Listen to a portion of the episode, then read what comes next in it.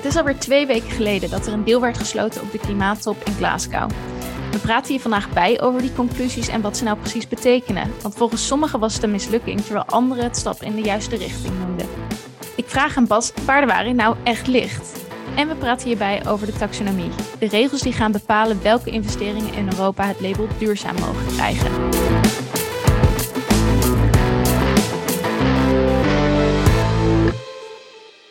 Hallo Bas. Goeiedag. Ja, we hebben de vorige aflevering teruggeblikt, uh, of vooruitgeblikt. En we gaan deze aflevering terugblikken op de klimaattop in Glasgow. Um, ja, je bent alweer even terug. Hoe, uh, hoe was het daar? hoe verloopt zo'n week?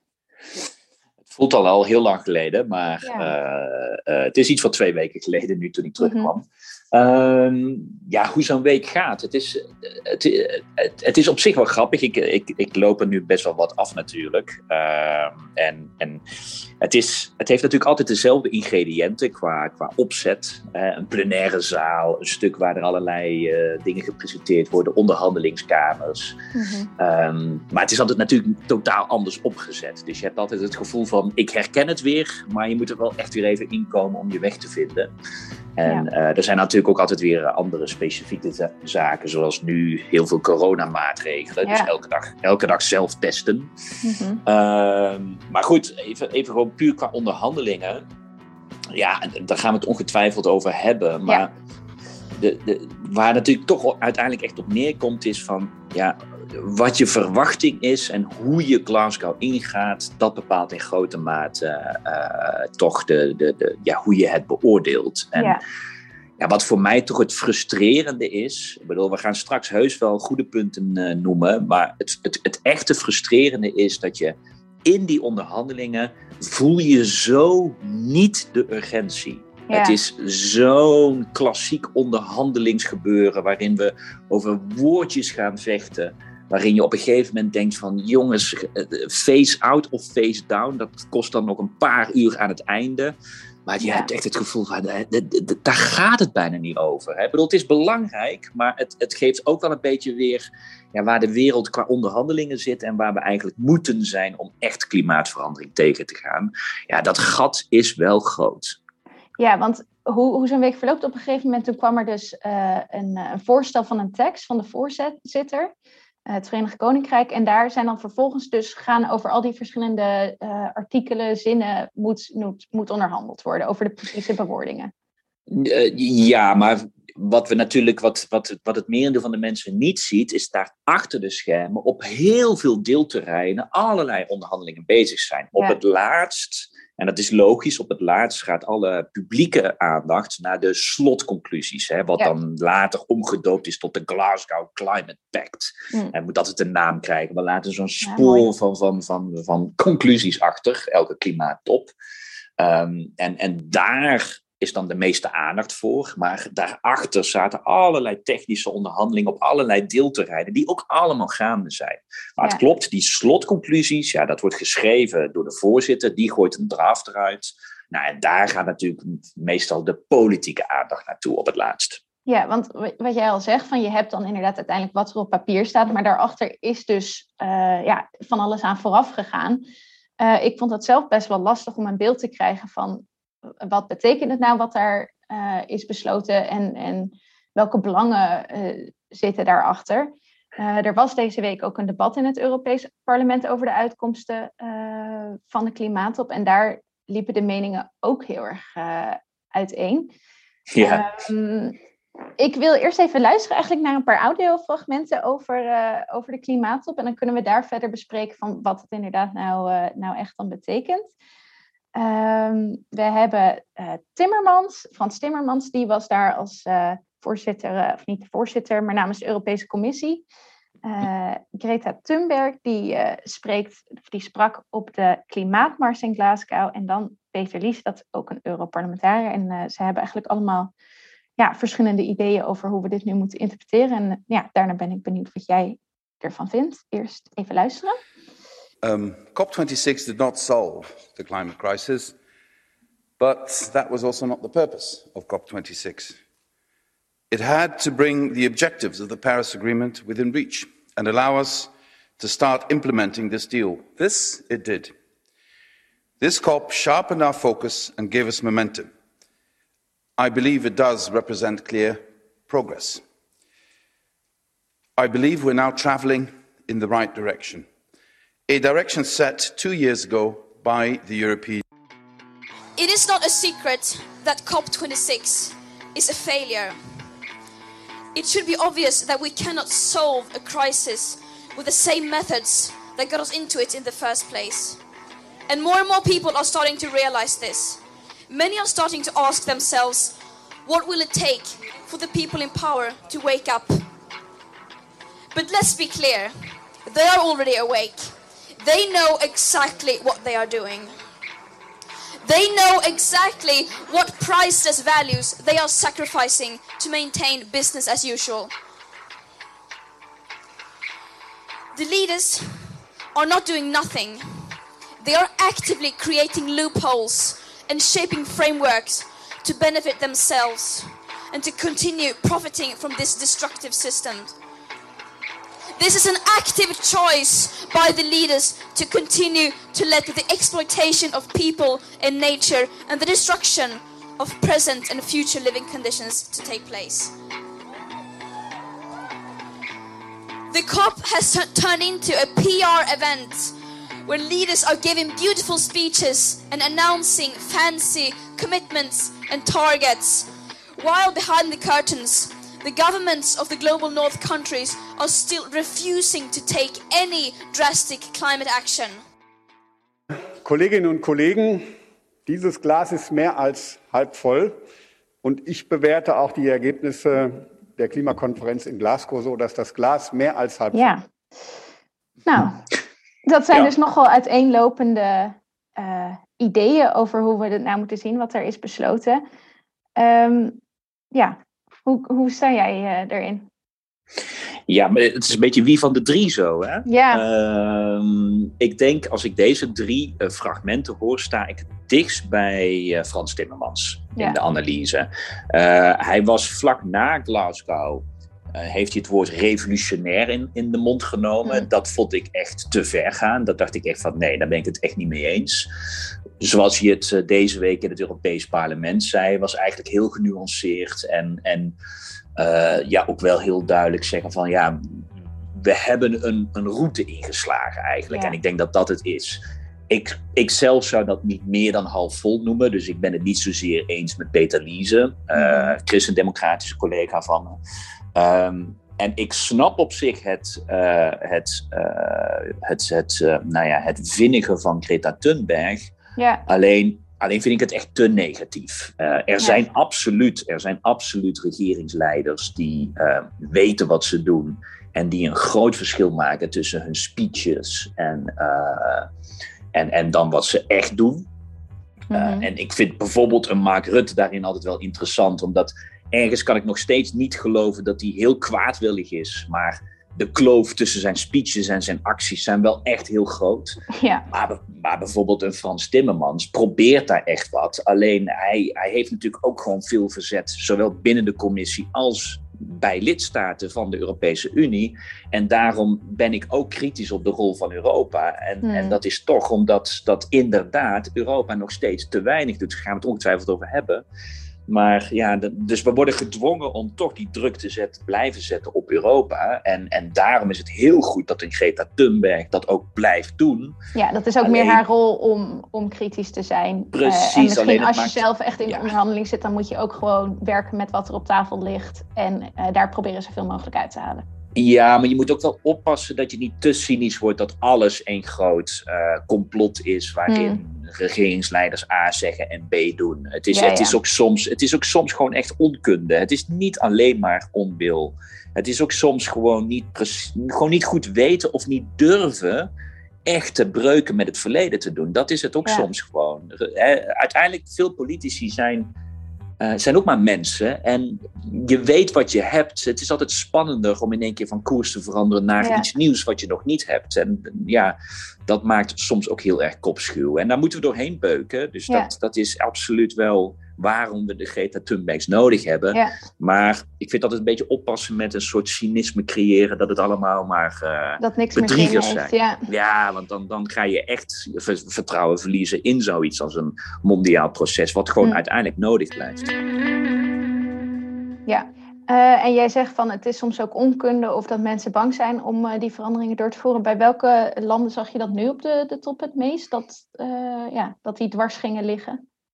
Nou, kijk, eh, ik zie dat overal. Hè? Dus ook, ook in Europa en in Amerika. Eh, de- de- de- we gaan het straks nog hebben over, over fossiele subsidies. Ja. Maar daar, ik bedoel, eh, als jij heel veel jaren geld hebt gegeven, dat, dat maakt verslavend. Hè? Dus, dus als je daar in één keer mee stopt, is dat spannend. Hm. Daarom duurt het zo verschrikkelijk lang en zijn we nu nog steeds als landen veel meer fossiele subsidies aan het geven dan steun aan groenere varianten. Dus, dus daarin zie je gewoon eh, dat, dat, dat partijen niet echt durven te breken met het verleden. En, en soms is dat heel bewust, soms is het ook gewoon ja, toch niet aandurven. Ja, Ehm, de onwil die we in, in Glasgow zagen. Ehm, ja, de echte onwil zit hem echt bij de olielanden. Hè, Saudi-Arabië op de Ja, ja. achtergrond is echt een hele dwarsligger. Ehm, in de publieke aandacht kwam op het laatst wel heel erg India naar voren, als dat die ehm, zich, zich niet wilde binden aan het uitfaseren van kolen. Dat was, dat was ook een beetje flauw gespeeld op zich, ook van China, die India zeg maar dat plenair liet doen, terwijl India er ook, eh, sorry, dat China er ook achter stond. ja, Ehm, maar dat kwam ook wel door het chagrijn van India, met het gevoel van, hé, hey, rijke landen, jullie geven te weinig het geld dat jullie beloofd hebben, jullie doen niet aan technologie-steun aan ons. Daar zit ook nog het chagrijn achter van de vaccins en het tekort Oh, ja, aan toegang tot vaccins. Dus de rijke wereld die zich toch weer vooral eerst zichzelf bedient en daarna de arme landen. Ja. Ehm, nog steeds niet echt het eh, accepteren dat schade die nu al gebeurt, ja, dat wij daar verantwoordelijk voor zijn als rijke landen. Mhm. En dan vervolgens gaan wij wel nu tegen India zeggen, en jullie moeten stoppen met kolen. ja. Ik ben het daarmee eens, we moeten stoppen met kolen, maar ik snap ook wel dat kan dat India niet zo heeft. Nou, dat ze zoiets hebben van hallo, eh, jullie, jullie leveren niet jullie beloften en ondertussen mij verder duwen. Ja. Ja. daardoor gaan ze op de rem stappen. Niet op een goede manier, ik was daar ook kritisch op. Maar er zit wel een hele, nou ja, daar zit een hele dynamiek achter. ja. Een hele geschiedenis achter, die, die het inderdaad ook soms moeilijk maakt om te doorgronden welke dynamieken er nou precies plaatsvinden in Ja. Ja, want in, ehm, het lijkt me goed om dan inderdaad even die, die punten die we ook eh, in onze voorbeschouwing eigenlijk hadden genoemd, eh, door te spreken wat daar Ja, het is altijd pijnlijk als je daarop teruggrijpt. Ja, van, eh, ja het, het moet toch even, denk ik. Oh shit. Wat nu Ja, de eindstand is. Ah, ja. Ehm, Want wat jij al noemde, die klimaatfinanciering, dat landen als India, die nu al veel meer te maken hebben met de gevolgen ehm, van klimaatverandering, dat die daar ook ja, vergoed voor moeten worden. Dat eh, rijkere landen daar aan bij moeten dragen. Mhm. Eh, we hadden het toen over die, die 100 miljard per jaar, eh, die van rijkere naar armere landen zou moeten gaan. Ehm, om dus meer ook klimaatrechtvaardigheid in dit hele beleid te krijgen. Eh, wat, wat is daar precies op bereikt? Ja, op de financiën is er uiteindelijk eh, te weinig bereikt. Maar de Hm. optimist zal weer zeggen, maar we hebben wel stappen gezet. En dit is dus precies, ja, dit ja, is het precies glas waarom, vol, half leeg. precies, dat, dit is precies waarom partijen verschillend oordelen. Mhm. Kijk, eh, heel, heel sec gezegd, in 2009 hebben wij al beloofd, hè, de klimaattop van 2009, dat was Kopenhagen. De enige echte belofte die daaruit is voortgekomen, is de belofte dat de rijke wereld vanaf 2020 per jaar 100 miljard dollar aan de arme landen zal geven. Ja. Voor steun. Voor zowel innovatie en, en dus ja, nieuwe technologieën om je uitstoot te verminderen, als ook steun om je aan te passen aan klimaatverandering. Dat was dus al in 2009. Op dit moment zijn de berekeningen wel dat er meer nodig is dan 100 miljard per jaar. Ja. Even een heel simpel v- vergelijking. In Duitsland hadden we die overstromingen deze zomer. Ja. En daar is ongeveer 30 miljard euro Oh, ja. ingestoken Ja, om dat te helpen. Dus dat is één land met één groot nou ja, catastrofen, maar er zijn grotere in de wereld en daar gaat dan 30 miljard. Dus 100 miljard klinkt natuurlijk heel veel, maar je moet het altijd in dat, soort... voor te stellen inderdaad wat, dat, ja, je daar inderdaad uiteindelijk totaal niet. Het zijn heel veel nullen. Uh, maar goed, dus dat laat al zien dat die 100 miljard eigenlijk te weinig is. Mm. Dat daar echt nog een discussie over moet van hoe kunnen we dat groter maken. Uh, terwijl de lidstaten, of terwijl de landen, de rijke landen, die 100 miljard in 2020 niet gehaald hebben en in 2021 niet gehaald hebben. Ja. In Glasgow is wel gelukt om meer toezeggingen te krijgen, waardoor er een goede kans is dat wij volgend jaar al toch die 100 miljard gaan halen. Dus de optimist zal zeggen, nou Glasgow heeft geholpen om die 100 miljard sneller dichterbij te brengen. Ja. Maar ja, vanuit het ontwikkelingsperspectief uh, ja. ja, zijn we twee jaar te laat. Ja. Dus, dus nou ja, dat is, dat is, daar zit dus half vol, half leeg interpretaties uh, zitten daarachter. Ja, en, en wat betreft uh, financiering, een van jouw speerpunten was ook het afbouwen van fossiele subsidies. Dus dat er geen geld meer moet naar uh, ja, fossiele energiebronnen. Dat mhm. kwam ook toch redelijk veel in het nieuws. Uh, verschillende landen die toezegden om dit inderdaad niet meer te gaan doen. Wat, wat was de eindstand? Wat staat erover in de conclusies? Ben je daar tevreden mee? Nou, ik moet zeggen, ik ben, ik ben blij verrast dat uh, onze focus heel erg was van, inderdaad, we moeten nu echt uh, over fossiele subsidies gaan hebben. Ja. Uh, en ik ben blij verrast dat het eigenlijk, dankzij heel veel steun van allerlei andere partijen, hè, dat dat gelukt is. Dat, dat we eigenlijk, is er nog nooit zoveel over fossiele subsidies gesproken tijdens een klimaattop inderdaad is er naast dus die, die centrale conclusies, is er, een, uh, is er met een kopgroep van landen nu beloofd dat uh, buitenlandse fossiele subsidies, hè, dat is wel belangrijk. Dat zijn dus we gaan niet over investeringen die je zelf in je eigen Nee, dus, dus Nederland, wat wij buiten Nederland investeren, uh, zeg maar investeren in fossiele subsidies, mm-hmm. daarvan hebben een aantal landen gezegd, daar stoppen wij eind 2022 mee. Mm-hmm. Uh, en daar hebben heel snel onder... eigenlijk dat, dat is snel, dat is eind volgend jaar. Ja. En nou, daar gaan we ze natuurlijk ook aan houden. En dat was een moeilijke, maar uiteindelijk zijn er best wel veel landen aan boord gekomen. En Nederland onder grote druk. Rutte die zei, ja, ja ik had misschien iets te hard actie, actie, actie geroepen. Mm-hmm. Uh, nou ja, dat is dus zo'n voorbeeld van iets zeggen, dan moet je het ook doen. Maar ook Frankrijk, ook Spanje, ook Italië, ook Duitsland zijn allemaal aan boord gekomen in de loop van die week. En ja, dat zijn toch ja, wel belangrijke spelers. Dus dat is, dat is goed. In de algemene klimaatconclusies zijn nu ook voor de eerste keer uh, fossiele subsidies genoemd. Ja. Alleen staat er, uh, we gaan uitfaseren inefficiënte fossiele subsidies. Um, ik, ik weet niet, ja, ik weet het niet, maar ik Er bestaan blijkbaar ook efficiënte. Er zijn dus blijkbaar efficiënte fossiele subsidies. Nou ja, dat was er weer toegevoegd voor India. Okay. Uh, zij willen vooral eigenlijk uh, diesel blijven, blijven subsidiëren, zit ja. Um, dus dus nou, dat inefficiënt is natuurlijk pijnlijk dat dat geaccepteerd is. Plus, het staat wel dus uitfaseren inefficiënte fossiele, fossiele subsidies, maar geen datum. Ja, dus dat is, dus ook, dat is toch... ook nog wel, ja, ja waar, waar, hebben we het dan over? Dus hm. ja, positief dat het nu echt in de conclusies voor de eerste keer staat. Maar we moeten nog van dat inefficiënte af. En er moet natuurlijk echt een datum aankomen. Ja, dus hierin is het misschien ook net zo belangrijk wat er eigenlijk achter de schermen heeft plaatsgevonden. En dus die afspraken die naast de officiële conclusies zijn gemaakt door verschillende landen. Precies. En, en dit is natuurlijk ook weer een haakje waarin wij nu weer vervolgens beleid op kunnen voeren. Dus zo moet je het ook zien. En dat is weer de halfvolle kant. Het geeft je weer allerlei mogelijkheden om verder oh, druk ja, op te ja. voeren, om die politieke stap op te zetten. Maar ja, de, de, de half lege kant zal beoordelen, ja hallo, uh, je accepteert dus efficiënte fossiele subsidies en er is niet eens een datum. Dus wat ja. hebben we hier aan? Ja. Um, en wat denk ik uiteindelijk misschien het belangrijkste is, is die anderhalve graad die in Parijs is afgesproken.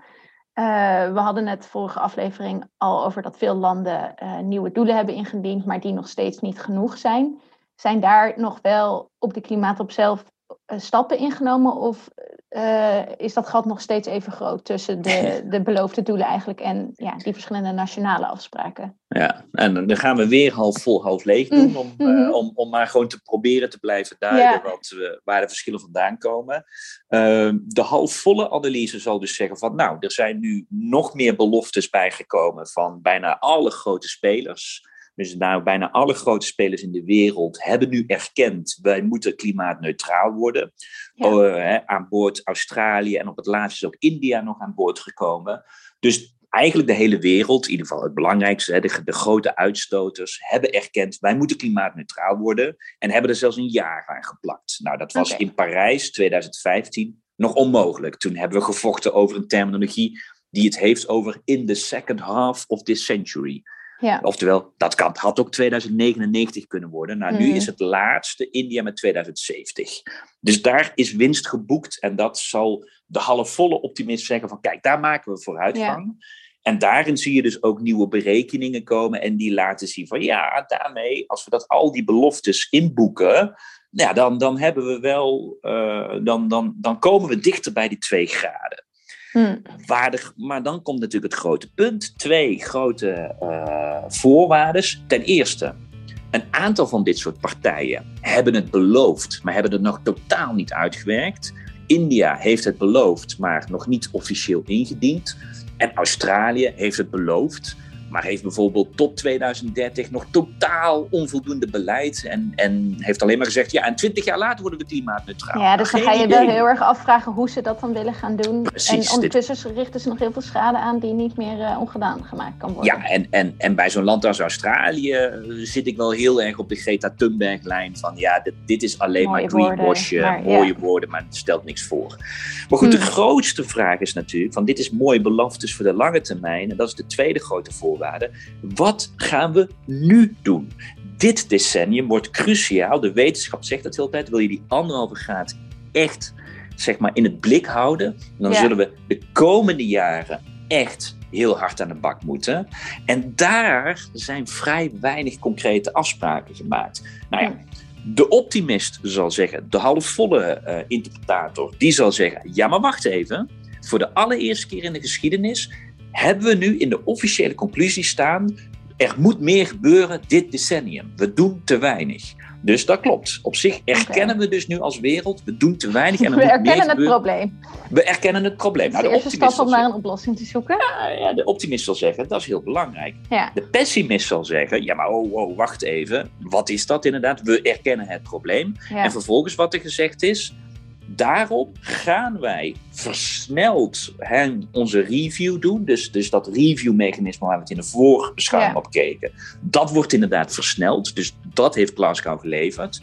Maar de enige concrete belofte is dat volgend jaar in Egypte, de volgende klimaattop, COP27, dat dan de landen met een aangescherpt plan gaan komen voor dit decennium. Met andere woorden, we hebben afgesproken dat we elkaar nog een jaar geven om met een nieuw plan te komen. Ja, dan zie je het wel weer dat, dat, dat ik ook wat meer aan de half lege kant zit. Van, en daarom dat ik ook deze week in het debat heb gezegd: het succes van Glasgow kun je eigenlijk pas afmeten na de klimaattop volgend jaar in Egypte. Want als we dan echt zien dat er echt betere plannen zijn gekomen, dan heeft Glasgow terecht die druk opgevoerd. Gaat dat niet gebeuren, ja, wat hebben we dan precies bereikt in Glasgow? Ja, een jaar verlies en, en wederom geen stappen. Ja, dus, dus het succes wat er nu nog voor 2030 gaat gebeuren, is, is eigenlijk heel cruciaal. Maar dat is dus nog onduidelijk in hoeverre dat aangescherpt gaat worden. En ondertussen gaat er dan wel weer een jaar voorbij waarin dus eigenlijk er te weinig ambitie is. Uh, ja, we hebben op dit moment nog gewoon de huidige plannen voor 2030 ja. voor alle verschillende landen. En ja.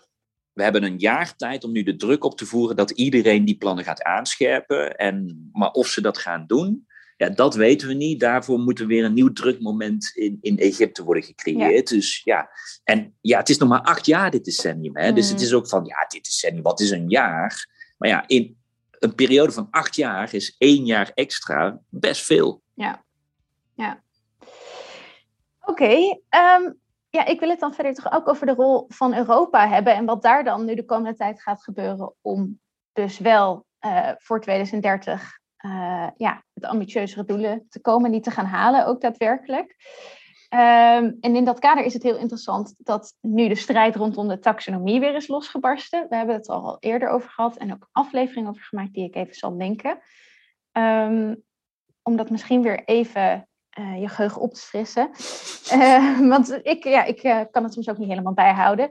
Maar de taxonomie, dat is regelgeving die uh, gaat over dat er een klassificering moet komen in Europa over wat gezien wordt als een duurzame investering.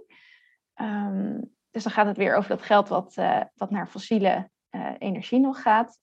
Um, want nu mag iedereen eigenlijk zeggen, dit heeft het label duurzaam, deze investering. Terwijl het dan eigenlijk ja, helemaal nergens aan hoeft te voldoen. Dus dat kan allemaal gegreenwashed worden. En om dat te voorkomen uh, zijn er nu regels voor in de maak van wat dan precies wel en niet dat label duurzaam mag krijgen. Uh, dat is al door het Europese parlement, maar de precieze uitwerking van wat dan wel en niet duurzaam is, dat werd overgelaten aan de Europese Commissie in een zogenaamde Delegated Act, of een gedelegeerde handeling in het Nederlands. We hebben daar in april het over gehad, ik heb het even opgezocht. Heel goed, heel goed. Ja, toen kwam het eerste deel uh, van die gedelegeerde handeling. Uh, daar stond al voor een deel in ja, wat de commissie vindt dat wel en niet als duurzaam gezien mag worden in de financiële wereld. Maar uh, er werd hier nog niks gezegd over gas en kernenergie, of dat nou wel of niet duurzaam mag zijn. Um, maar die strijd is dus ook nog niet gestreden. Dat zou eigenlijk dit najaar, of volgens mij zelfs eerst in de zomer komen, maar uh, dat is nog steeds niet duidelijk. Um, ten eerste, heel veel mensen zeggen van ja, waarom moet Europa nou precies weg zeggen waar wel of niet, uh, ja, wat wel of niet gefinancierd mag worden? Wat, wat, uh, hoe, hoe, hoe zit dat, Bas? Waarom, waarom is die taxonomie zo belangrijk? waarom hebben we het erover? Ja. ja. Nee, dit, dit is ook. Uh, die wet is inderdaad, die hebben we afgerond december 2019. En ik weet nog, mijn laatste onderhandelingen had ik in Madrid bij de vorige klimaattop. Dus zo, okay. zo loopt die taxonomie al een, paar, een tijdje wel redelijk mooi synchroon met al die klimaattoppen. Um, het idee, en dat is denk ik wel heel belangrijk dat we dat weer een keer herhalen, inderdaad. Want, want uh, het, is, het debat lijkt een beetje de kant op te zijn gegaan alsof wij hier aan het definiëren waar wel of niet geld heen mag. Ja. Dat is niet waar de taxonomie over gaat. Waar de taxonomie over gaat is puur regels maken. Wat noemen wij een groene investering? En er zijn natuurlijk heel veel uh, in de wereld, en zo, zeker ook in Europa, allerlei financiële spelers die claimen: wij, wij investeren groen. Je kan het je bijna vergelijken met allerlei labels die je ook in de supermarkt hebt. Dit is ja. nou duurzaam, dit is mm-hmm. bio, dit is whatever. En allerlei claimen. Nou, dat probeer je een beetje te reguleren, ook in de financiële sector. Waarom? Omdat steeds meer financiële spelers, die willen eigenlijk uh, groen investeren. Denk ja. even aan onlangs het nieuws, het ABP, het, het, het grootste pensioenfonds van Nederland. Die heeft gezegd, we stoppen met fossiel. Maar ja, die hebben nog steeds diezelfde miljarden. Om echt groen te worden, zou het natuurlijk mooi zijn als ze zeggen: Nou, we stoppen met uh, investeren in fossiel en we gaan in groen investeren. Ja. Maar dan is het wel handig als je weet: ja, maar wat is groen? Nou, dan kun je aan de markt overlaten met allemaal eigen ideeën komen. Want het idee is van de taxonomie: wij gaan goed definiëren wat een groene investering is, zodat die miljarden die kant op geduwd worden. Dus het is een stimulering van investeringen die nu nog te weinig gebeuren.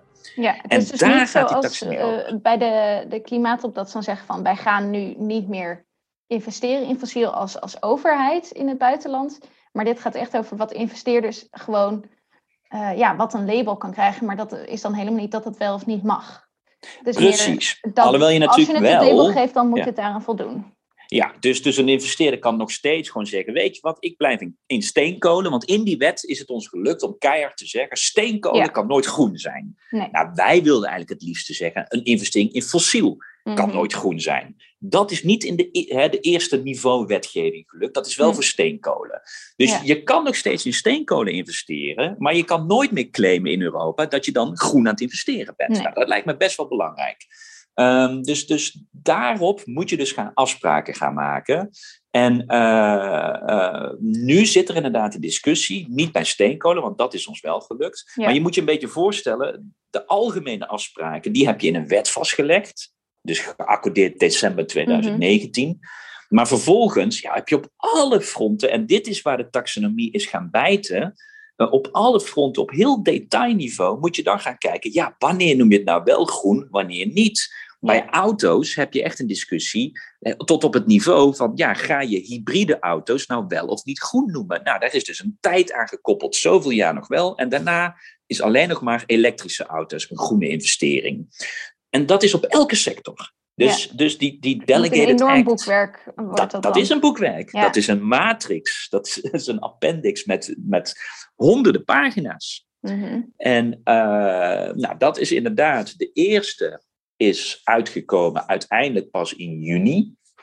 Dus het heeft nog een tijd geduurd, of was het Ja. mei, voor mei volgens mij. Eh, maar toen kwamen ze er al achter, het lukt ons niet op gas. En dat is natuurlijk nu echt het laatste fossiele debat. Iedereen weet wel, we moeten naar alternatieven voor olie kijken. We weten ook, van steenkool moeten we af. Maar wat met gas? Hm. Het is van de fossiele brandstoffen de minst vervuilende, maar Ja. het blijft een fossiele brandstof. Ja. En, en ja, kijk, taxonomie is natuurlijk niet expliciet een fossiele subsidie, want dat is gewoon, je, je geeft als overheid geld aan om de diesel goedkoper te Mhm. maken, bijvoorbeeld. Maar indirect stimuleer je hiermee investeringen erin. En Ja, kun je het op doel een gegeven van moment die taxonomie is wel om het geld een bepaalde richting op te duwen. Precies. Dus, dus Ja. je stimuleert, eh, je gaat ook ongetwijfeld zien op termijn dat de groene investeringen een lager risicoprofiel krijgen ja. voor een investeerder dan als je niet in die taxonomie zit. Dus die taxonomie is in die loop der tijd echt een soort ja, vluchtheuvel geworden waar iedereen bij wil horen. En nu Hmm. zitten we bijna in een soort platgeslagen debat. We moeten in de groene taxonomie, anders, anders, anders zijn we dood. Ja, eh, en dat is nu En dat is helemaal... dan de, de gaslobby, denk ik, vooral die dat dus eh zegt. Ja, en- van, en eh, die rondom daar heel bang voor gas zijn. Ja, rondom gas is dit gewoon het primaire debat geworden. Mhm. Omdat heel veel landen nu bezig zijn om uit kolen te gaan. En die springen allemaal naar gas. Ja, En, ja, en dat- is dan het, met het argument transitiebrandstof. ja. Maar als je nu gaat kijken naar de investeringen die wij in Europa op dit moment al doen in gas, die zijn gigantisch groot. Als je gaat kijken Ja. naar de pijpleidingen die wij op gas hebben klaar liggen, dan hebben we op dit moment zoveel in gas geïnvesteerd. Dat is geen transitie meer. Ja. Dat is eigenlijk een nieuwe lock-in als je Ja. niet uitkijkt. Nou, en, en daarom dat wij dus zeggen, je moet gas gewoon niet groen gaan noemen, want dan Nee. ben je nog meer die lock-in aan het stimuleren. Ja. Eh, maar goed, de, er zijn een aantal landen die zeggen, nee, nee, we hebben juist gas nodig. Dus het moet groen worden. Ja, ik denk dat het goed is eh, om het een volgende keer ook nog echt dieper op in te gaan van ook kernenergie en gas. Waarom is dat nou ook dus niet zo'n eh, transitie, ja, transition fuel? Eh, eh, maar eh, voor nu, ik, interessant om ook die, die politieke strijd die daar dus achter gaat, hoe dat zich nu eh, uitspeelt. Want je zegt bepaalde landen die staan, liggen ook dwars. Wat, welke landen zijn dat dan? Ja, en, en nu wordt het inderdaad interessant politiek. want dit is dus nu. ehm, we hebben dus in mei die eerste pro- proeven van wat is wel groen en wat niet. Ja, eh, gehad op alle fronten. Dus op auto's, op bosbouw en, en eh, echt een- noem de sector en er is wel een klassificatie gekomen. Ehm, die kun je ook kritiek op hebben, maar grosso modo geen slecht voorstel. Hm. Alleen men heeft dus gas uitgesteld, omdat men zei dat is nu te moeilijk, dus, dus die gaan we uitstellen. En vanaf het begin hebben wij al in die wet in, eh, in eh, december 2019 gezegd, kernenergie is, is echt een, een, een, een nou ja, dat, dat, nou ja, je kan een leuke woordgrappen over maken, maar het is echt een, het is echt een eh, nogal explosief debat. Ehm, en, en heel simplistisch gezegd, Duitsland en Frankrijk staan niet helemaal hetzelfde in kernenergie. Heel en, en dat, dingen ook niet zo, maar hier staan ze dus ook weer aan. nou, kijk, maar soms. Het probleem hier is natuurlijk dat, dat. Kijk, bij heel veel oplossingen kun je ergens een compromis vinden. Bij kernenergie, ja, het is ja of niet groen, weet je. Mhm. dat, is, dat is moeilijk. En hier staan een aantal landen keihard tegenover elkaar. Nou, Frankrijk, met Macron in verkiezingsstand, die Oh, heeft. Ja. want die gaat volgend jaar in de verkiezingen. heeft- mee. Ja, ja, speelt mee en die heeft als een van zijn prioriteiten: kernenergie moet groen worden. ja. Dus moet in de taxonomie. Het is heel interessant, want de Franse overheid heeft zelf green bonds een paar jaar geleden gelanceerd en zei toen: kernenergie valt daar niet onder. Hmm. Interessant, hè? Dus de komt ook Fransen op zelf eigen standpunt terug. ze vonden dat al, dat ze dachten, dat gaat te ver. Ja. Maar toch, nu, nu moet Europa het wel doen. Hm. Nou ja, dat is, dat is echt wel ook verkiezingsretoriek. Ja, ja, ja. Maar waar het gevaarlijk is geworden, is dat Frankrijk zag van ja, wij staan een beetje alleen op kernenergie. Met een paar landen misschien, maar dat is te beperkt. Als we dit willen regelen, moeten we het nu bin- koppelen aan dat gasdebat. Ja. Dus de uitstel van gas, plus dat kernenergie apart behandeld moest worden, omdat we hebben gezegd in die wet al, dit is te controversieel, dat, gaan we, eh, dat gaat in een apart traject. Hm. Nu is dus gas en kernenergie gezamenlijk gekomen. En heeft Frankrijk een coalitie gesloten met allerlei Oost-Europese landen, denk. Polen, Tsjechië, Ja. Hongarije, die allemaal gas willen. En dus heeft Frankrijk nu een nogal duistere coalitie gesloten tussen die landen en zichzelf, die nu allebei zeggen: gas en kernenergie moet groen worden. En dan heb je in één keer een grote coalitie van landen die daarvoor aan het pushen zijn. Nou ja, Ja. dat maakt het politiek zo explosief. Dan zijn er een aantal landen die heel erg tegen kernenergie zijn: Duitsland, eh, Oostenrijk, Luxemburg. ja. En er zijn een aantal landen die misschien wat positiever ten opzichte van kernenergie staan, maar die weer heel erg tegen gas zijn. En dat zijn Nederland of Zweden en Finland. ja.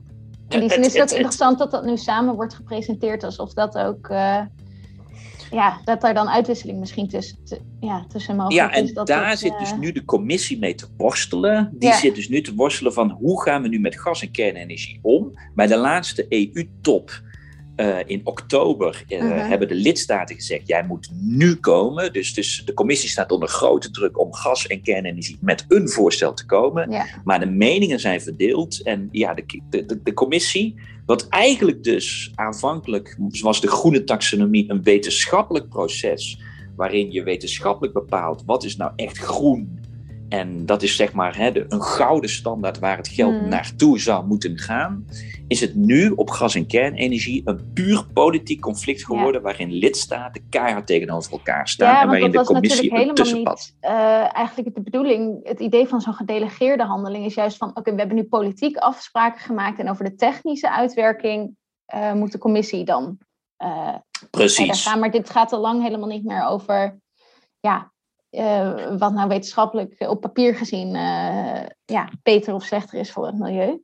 Ja, en daarom zijn we dus ook kritisch op en zeggen wij als groene, nou ja, op gas moet je volgens mij veel strikter zijn. Hmm. Eh, want dat is gewoon uiteindelijk een fossiele brandstof. En als je in Glasgow zegt, we willen van de fossiele subsidies af. Ja, kun Is je het niet groen gaan Ja, noemen. het is toch absurd als je dan Ja. twee maanden later gaat zeggen, nou, een van de fossielen gaan we gewoon zelfs groen noemen. Ja, Ehm, en, en wij vinden dat op kernenergie, dit is zo politiek, dat je Ja. dat eigenlijk in een aparte wet. Mm. Bezwaar die taxonomie daar nou niet mee. Zet Ja. kernenergie apart en, en kijk dan of daar iets te doen is. Kijk waar de meerderheid uiteindelijk komt. Maar dat moet eigenlijk in een soort aparte categorie. Dat kun je dan een aanhangsel van de taxonomie noemen, maar niet de taxonomie. Eh, omdat. Kijk, en ik krijg natuurlijk op Twitter ook allerlei kernenergie-lobbyisten op me af. Die zeggen, ja, schande dat je voor of tegen bent. Ehm, wat je er ook van vindt, in Duitsland, voor een hele hoop financiële spelers, is kernenergie gewoon toxisch. ah. Door het publieke debat. ja. en die dan moet je financiële je handen niet aan branden. Precies, op het moment als jij kernenergie eronder laat vallen, zullen die investeerders zeggen, dan, ja, dan Ja. is die taxonomie voor ons gewoon een beetje giftig geworden. Dus Ja. dan blijven we eraf. Dat moet je niet willen. Dus ik vind het prima om er een politiek debat in een aparte categorie naast de taxonomie over te hebben. Maar ga hem nou niet zo kosten wat kost in die Nee. taxonomie duwen. Maar ja, goed. Dat, eh, de lobby wil nu dat het groen wordt. En Ja. dat wordt heel erg gedreven door Macron in, in, in gewoon Ja, een campagnestand. Ja, ja, boeiend. En nou begreep ik dat er ook nog een soort ander spelletje gaande is, doordat ehm, die eerste uitwerking, dus die, eh, die voor de zomer is gepresenteerd, die moet ook nog door de EU-landen worden goedgekeurd. En daar hebben ze zes maanden volgens mij voor. En die deadline is eh 7 december. Ja. Maar dat dat dus nu ook wordt gebruikt eh, als een soort drukmiddel weer over de inhoud van, van die tweede uitwerking. Hoe, hoe Precies. zit dat? En ook hier zit Frankrijk achter. Officieel moet je zo'n zo'n gedelegeerde, hè, gedelegeerde handeling, zo'n delegated act, is dus een uitwerking van een bestaande wet. En daar heeft de commissie op zich meer macht, want die, dat is in principe dus een technische uitwerking van een bestaande wet.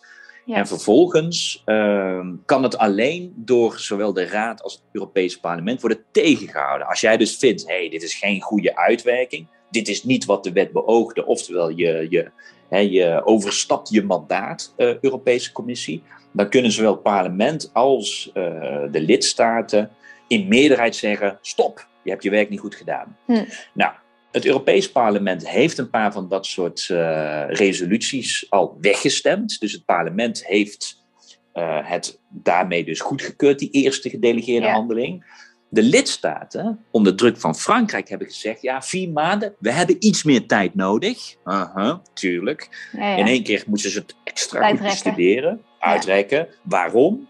Omdat Frankrijk, en dus hebben ze het twee maanden verlengd, en daardoor is het inderdaad zes maanden in totaal geworden.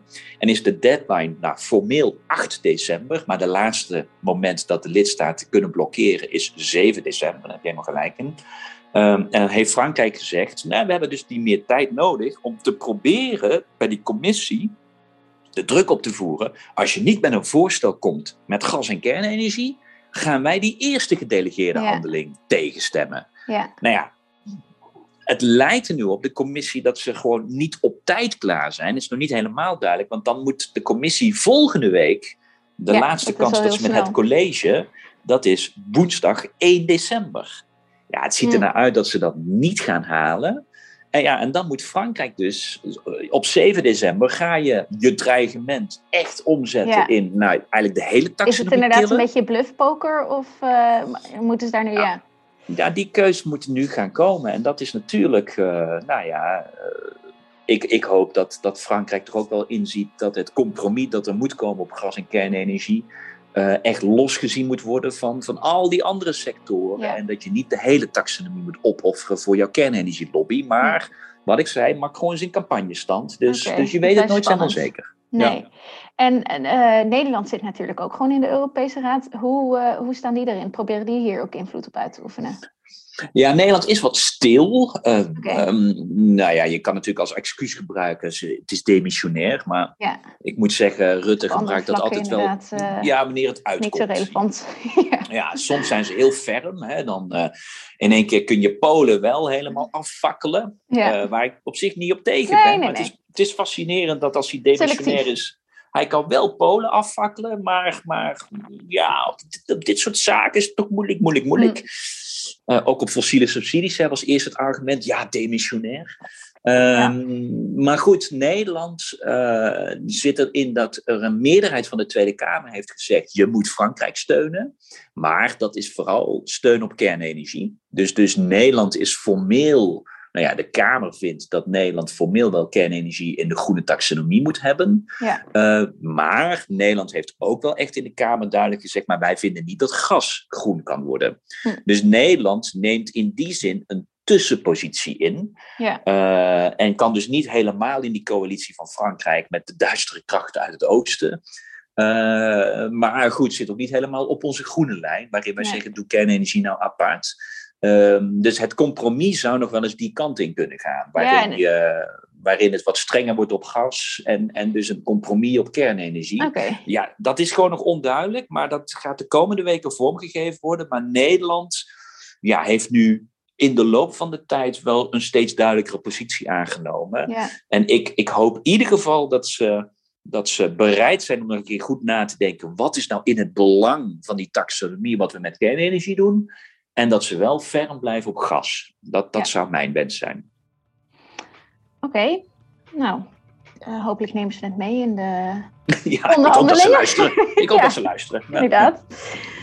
Ehm, ik denk dat we hier nu eh, eigenlijk eh, alweer heel lang over hebben gepraat. Maar zeker weer iets om op terug te komen.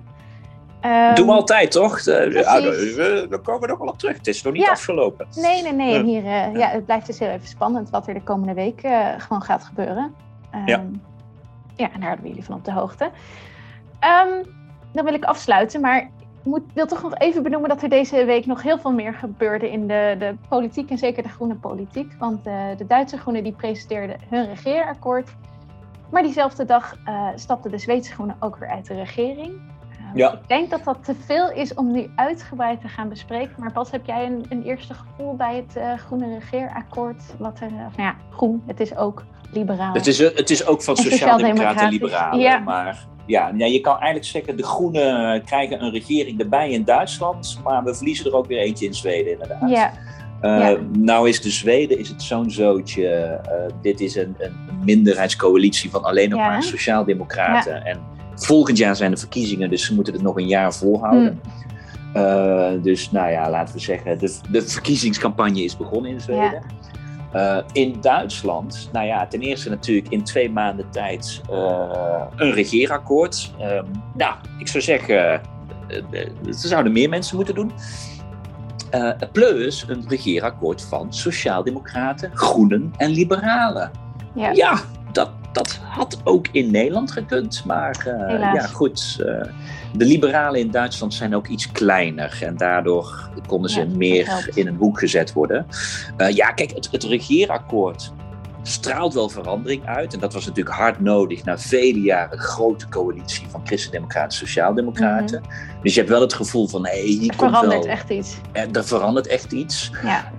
Uh, heel kort gezegd, het, het, het is echt wel ambitieus op klimaat en digitalisering.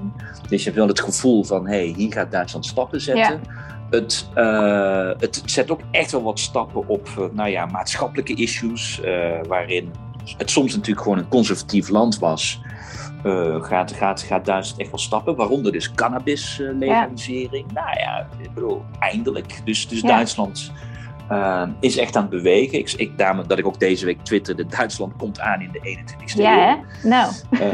dus dat is alleen maar goed. Dat is alleen maar goed. Maar... Ehm, er zitten ook nog wel heel veel open einden in het regeerakkoord. En ik denk wat interessant wordt, is dat je in de toon van de tekst ook wel leest dat Duitsland echt nog pro-Europeeser gaat worden dan ze altijd al waren. Er wordt echt expliciet melding gemaakt dat ze voor een federaal Europa zijn.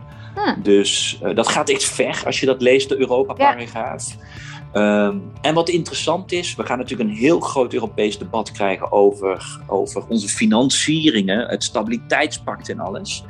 En daarin lees je wel dat Duitsland veel meer open staat voor dat debat. Hm. Uh, maar daartegenover is helaas wel de meest conservatieve partij, de FDP, de Liberalen, ja. die hebben nu de minister van Financiën. Dus... Ah ja, want die ministerpost, dat is uh, nog niet helemaal duidelijk wie dat uh, nou gaan worden, maar er zal wel welke partijen op welke ministerie zitten. Ja, en de, de Groenen hebben hun posten bekendgemaakt en de Liberalen ook. De sociaal, we schrijven nu vrijdag, de Sociaaldemocraten moeten hun namen nog geven. Ja. Maar ik denk op het moment als dit online komt, zal de ministersploeg ook wel bekend zijn van, ja. van iedereen. Ja. Uh, en, en zeker wie, welke, wie welk ministerie krijgt. En het is dus wel een teleurstelling dat de Groenen uiteindelijk niet hebben doorgezet om het ministerie van Financiën te hmm. krijgen. Ja. Dus de teksten daaromheen zijn wel positief, maar met nog een hele hoop open einden, ja. dan is het niet handig. De uitwerking kan dan toch inderdaad toch iets meer die liberaal-conservatieve kant op gaan. Ja, dus, dus nou ja, de, de, ook daar zou je bijna kunnen zeggen dat het regeerakkoord half vol of half leeg is. en dan is de cirkel weer rond. Um, nou, mooi. Ik denk dat dit zeker ook nog een uh, uitgebreidere analyse verdient. Hier moeten we op terugkomen. Ja, dat denk ik ook. Dus uh, dat gaat zeker gebeuren. Um, voor nu heel erg bedankt en dan spreken we elkaar snel weer. Graag gedaan, jij ook.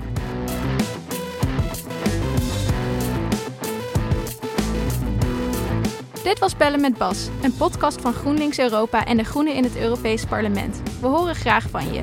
Laat je reactie achter op vriendvandeshow.nl slash bellen met Bas en meld je aan voor onze Europa-update op europa.groenlinks.nl. De audiovormgeving is door Studio Cloak. Tot een volgende keer!